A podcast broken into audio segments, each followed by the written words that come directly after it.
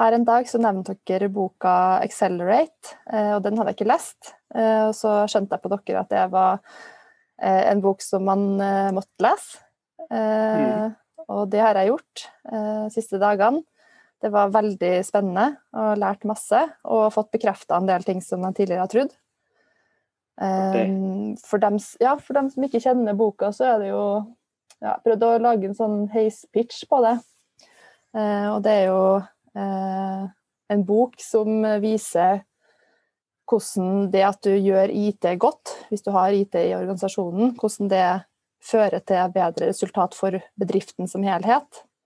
Uh, og det syns jeg var veldig fint. Og så tenkte jeg på ja, hvorfor har ikke alle uh, lest denne boka her? Hvorfor har ikke alle implementert alt det her? Mm. Veldig godt spørsmål. Jeg, jeg skjønte ærlig talt ikke hvor viktig den boka her var før jeg eh, måtte havna på det prosjektet jeg havna på nå. da. Ja, veldig mye av det er liksom ting som du intuitivt sett bare liksom er oppvokst med, på en måte, eller på en måte bare lærer deg. Men uh, det er akkurat nå på dette prosjektet her at jeg trenger argumentasjonen for hvorfor det er lurt, ting, lurt å gjøre.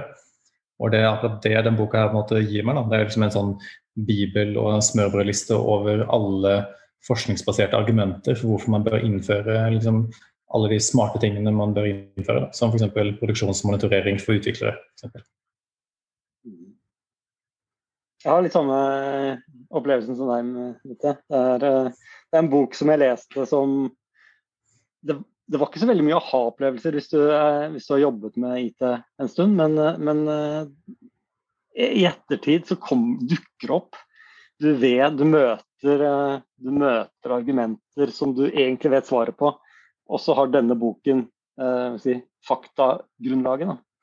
Så det er, det er, en mm. bok som er, eh, er, tre år gammel nå. Det er jo basert på forskning. Man har funnet den sammenhengen mellom hvordan man gjør IT og eh, ja, kommersielle selskaper, hvor lønnsomme de er.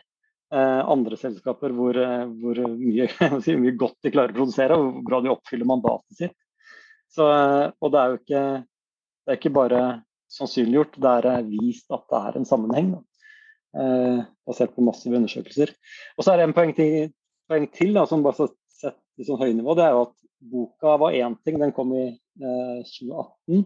Men hvert år etter så har man jo da denne årlige DevOps-rapporten, State of DevOps, som også er veldig fin. Eh, den har brukt vel så mye. Den har bare gått og henta årets rapport for å se hvor er man nå. Eh, for Man ser at noen av de der scorings eh, matrisen har utviklet seg, og du har, fått, eh, du har fått, fire grupper av selskaper. Da hvor du hadde tre i første omgang, så har du nå fire. Hvor du da har disse high performerne er blitt elite performers, blant annet. Så uh, utrolig nyttig bok. Men hva var det du likte nå, Ingrid, som, nå som du som akkurat har lest den? Uh, ja, det er veldig mye likt, da. Og uh, som vi har vært litt inn på, så er jo det her med begrunnelsen uh, det mest interessante. F.eks. det her med skalerbarhet. Når du dytter på flere utviklere, får du da bedre fart? Det er jo sånn som man føler på seg at det ofte ikke funker. Men da mm. står det litt om hvorfor det ikke funker, og i hvilke liksom, tilfeller det funker bra og dårlig. da. Eh, og da er det sånn hvis du har her, de her egenskapene som de beskriver, som liksom legger til rette for kontinuerlige leveranser, da, som er liksom mye av det i hvert fall tekniske. Sånn som uh, automatiserte tester, um, å ha all kode uh, og all konfigurasjon i uh, versjonering osv. En lang liste med ting som må på plass. Så hvis du har det, så er det sånn at du kan faktisk øke eh, farten eh, mer enn lineært eh, hvis du har de tingene på plass. Men hvis du ikke har det, eh, hvis du er dårlig på de tingene, så vil du sakke ned farten ved å legge på flere utviklere. Så det er jo en av de tingene som jeg syns er veldig fin å få på en måte eh, satt i system, som jeg har følt på mange ganger. Mm. Mm. Eh, også en ting som er litt sånn relatert, som jeg har brukt, da, er Ehm, vi har en sånn prosess hvor du må få alle gode, eh, liksom, endringer godkjent av en tredjepart før du kan måtte, produksjonssette det. Og den godkjenningsprosessen tar alt mellom minimum tre dager til 14 dager. Og det er veldig vanskelig å argumentere mot eh, hvorfor de vil ha en sånn prosess, fordi de klarer alltid å referere til en eller annen hendelse som gjorde at en eller annen menneskelig feil glapp gjennom, som gjør at det er viktig at det er liksom noen andre enn de som har skrevet koden, som skal liksom inspisere endringene du har gjort. Da. Eh, men i boka her så kan de referere til at eh, med den statistisk signifikante forskningen som de har gjort, så finner du ut at den type prosesser har jo faktisk en negativ påvirkning på hvor mange feil man på en måte avdekker. De, det er mye Du bør ikke Dårlig nett, Mutte? Ja, det er ikke noe. Ja, men jeg bare henger meg på det argumentet Mutte sier der. Da, fordi det, det, er også noe av det jeg har uh, opplevd. Og det er at du kan sitte i et selskap hvor si, denne utrullingen av ny funksjonalitet, da, kvalitetssikringen av det, er så rigid, og så er det så vanskelig å argumentere mot. Fordi man har jo tusen gode grunner til at man skal fange feil. Eh, og, og bare den, det, det, skiftet fra å tenke at vi skal være helt sikre, eller så sikre som mulig før vi slipper noe ut, kontra å si, fordelen av å bare få det ut og rette feil fort, det er en sånn flipp. Det er, det er ikke en, det er ikke en det er ikke en, eh, si, en, gradvis overtalelse fra det ene til det andre. Det er, ikke, det er, ikke, en forbedring av det ene over i det andre. Det er en helt annen måte å tenke på. Og for å kunne få med deg folk som er vant til å tenke på den ene måten over i den andre måten, så må du ha et skikkelig sterkt faktagrunnlag. Eh, og i hvert fall når det gjelder sånne ting som sikkerhet. At du, at, du, er redd for at noe skal gå galt. Da må du vise at ved å ta mindre, bruke mindre tid på kvalitetssikring først, gjør at du kan komme over i en fase hvor du faktisk har mindre feil. Da, i at du mm. retter feilene fort. Ja, og jeg tenker i hvert fall sånn Måten jeg beskriver det, er veldig sånn uintuitivt. At, uh, at uh, ved å gå fortere, så kan du på en måte få det mer stabilt. Og da er det ekstra viktig å ha det grunnlaget som den boka gir. Uh, og det er mange tilfeller av det, da, der det er egentlig liksom den default-oppsettet som man enten har liksom intuitivt eller kanskje liksom lært av andre bransjer før man hadde en god struktur på det innen IT, så får man på en måte grunnlaget for å si det, selv om man uh, har opplevd det mange ganger at det er ting som funker. da. ja. Men det er det jeg mener. da, Den, den, er, så, den er, så, det er så godt og rikt faktagrunnlag at de du snakker med som har rasjonelle, gode grunner til eh, sin måte å gjøre ting på, som egentlig handler om sikkerhet og trygghet, de må argumentere eh, si, De får et underlag da, som er trygt nok og solid nok til å tørre å ta sjansen og bevege seg i en annen retning. Og det, For å komme dit, så, så eh, måtte noen gjøre det store arbeidet som er gjort i denne boka her. Da. Undersøke hvordan ligger han hos så mange selskaper i så mange sektorer eh, i, i, så mange land. Så um, jeg er veldig, veldig, veldig imponert over arbeidet som er gjort der. Og, og, og det er også sånn at um, det faktagrunnlaget er, eh, er samla på en sånn måte at det er anvendbart da, når man sitter i ulike oppdrag, sånn som vi gjør. Jeg har lyst til å trekke frem en annen ting. En kultur i boka. Det snakker det også veldig mye om. Og den, eh, det som er interessant med den boka, er vel at de eh, snakker ikke bare om software development practices. De snakker ikke bare om eh, liksom, verktøy og prosesser for selve utviklingsjobben, men også om veldig mye rundt. Da. En av tingene som de tar opp, er kultur.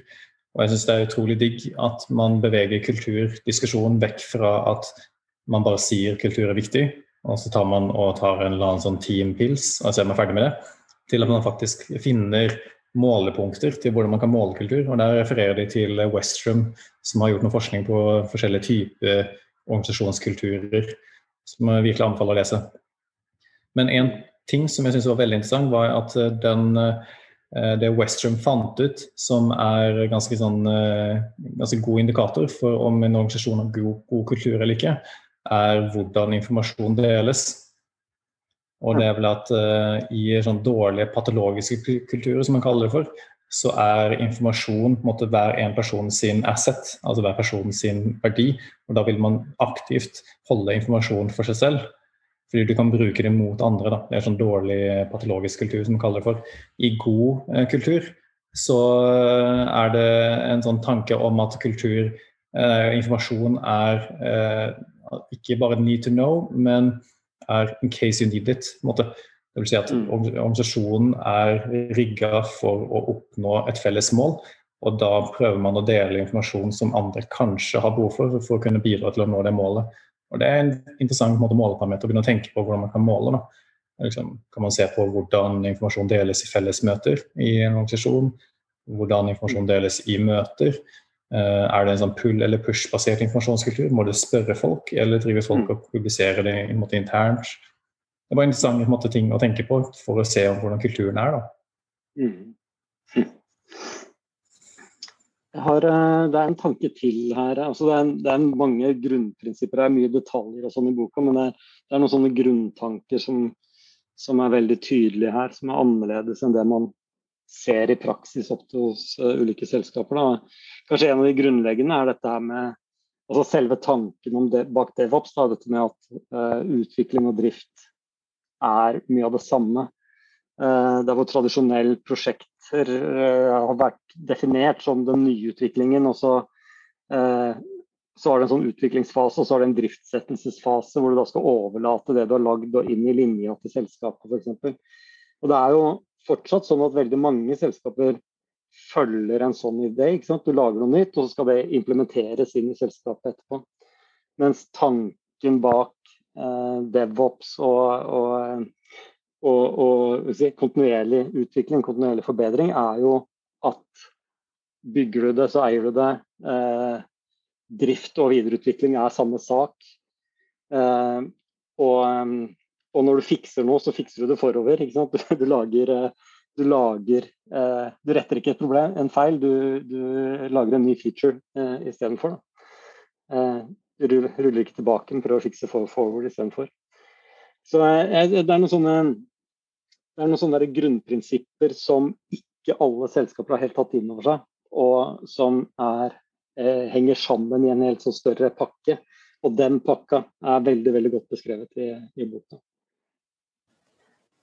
Det er min sånn høynivå takeaway fra, fra, fra boka, hvorfor den fortsatt er aktuell, hvorfor den stadig er aktuell.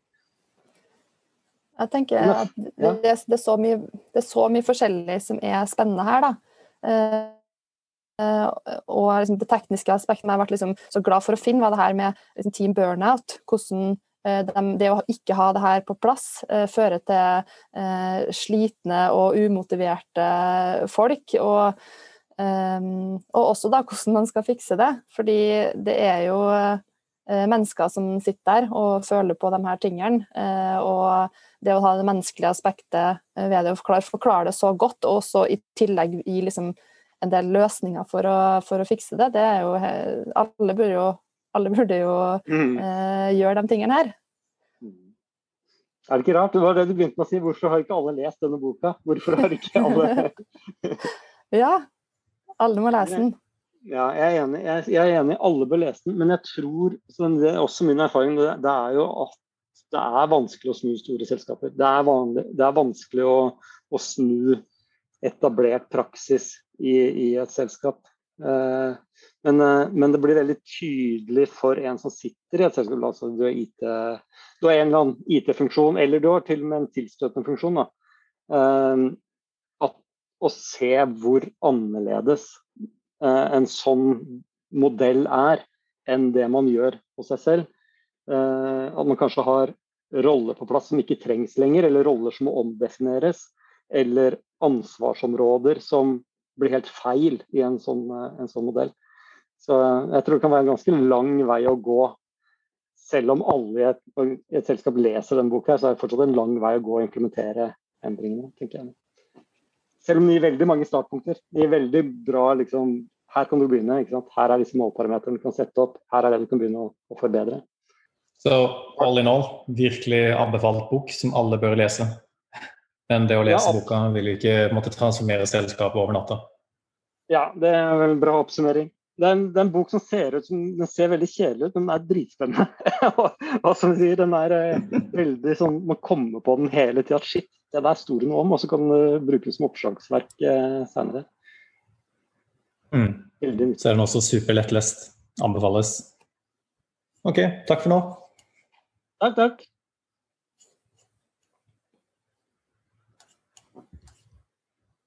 Ja. Drypp er en lavterskelpodkast fra Beck, hvor vi diskuterer diverse temaer som interesserer oss.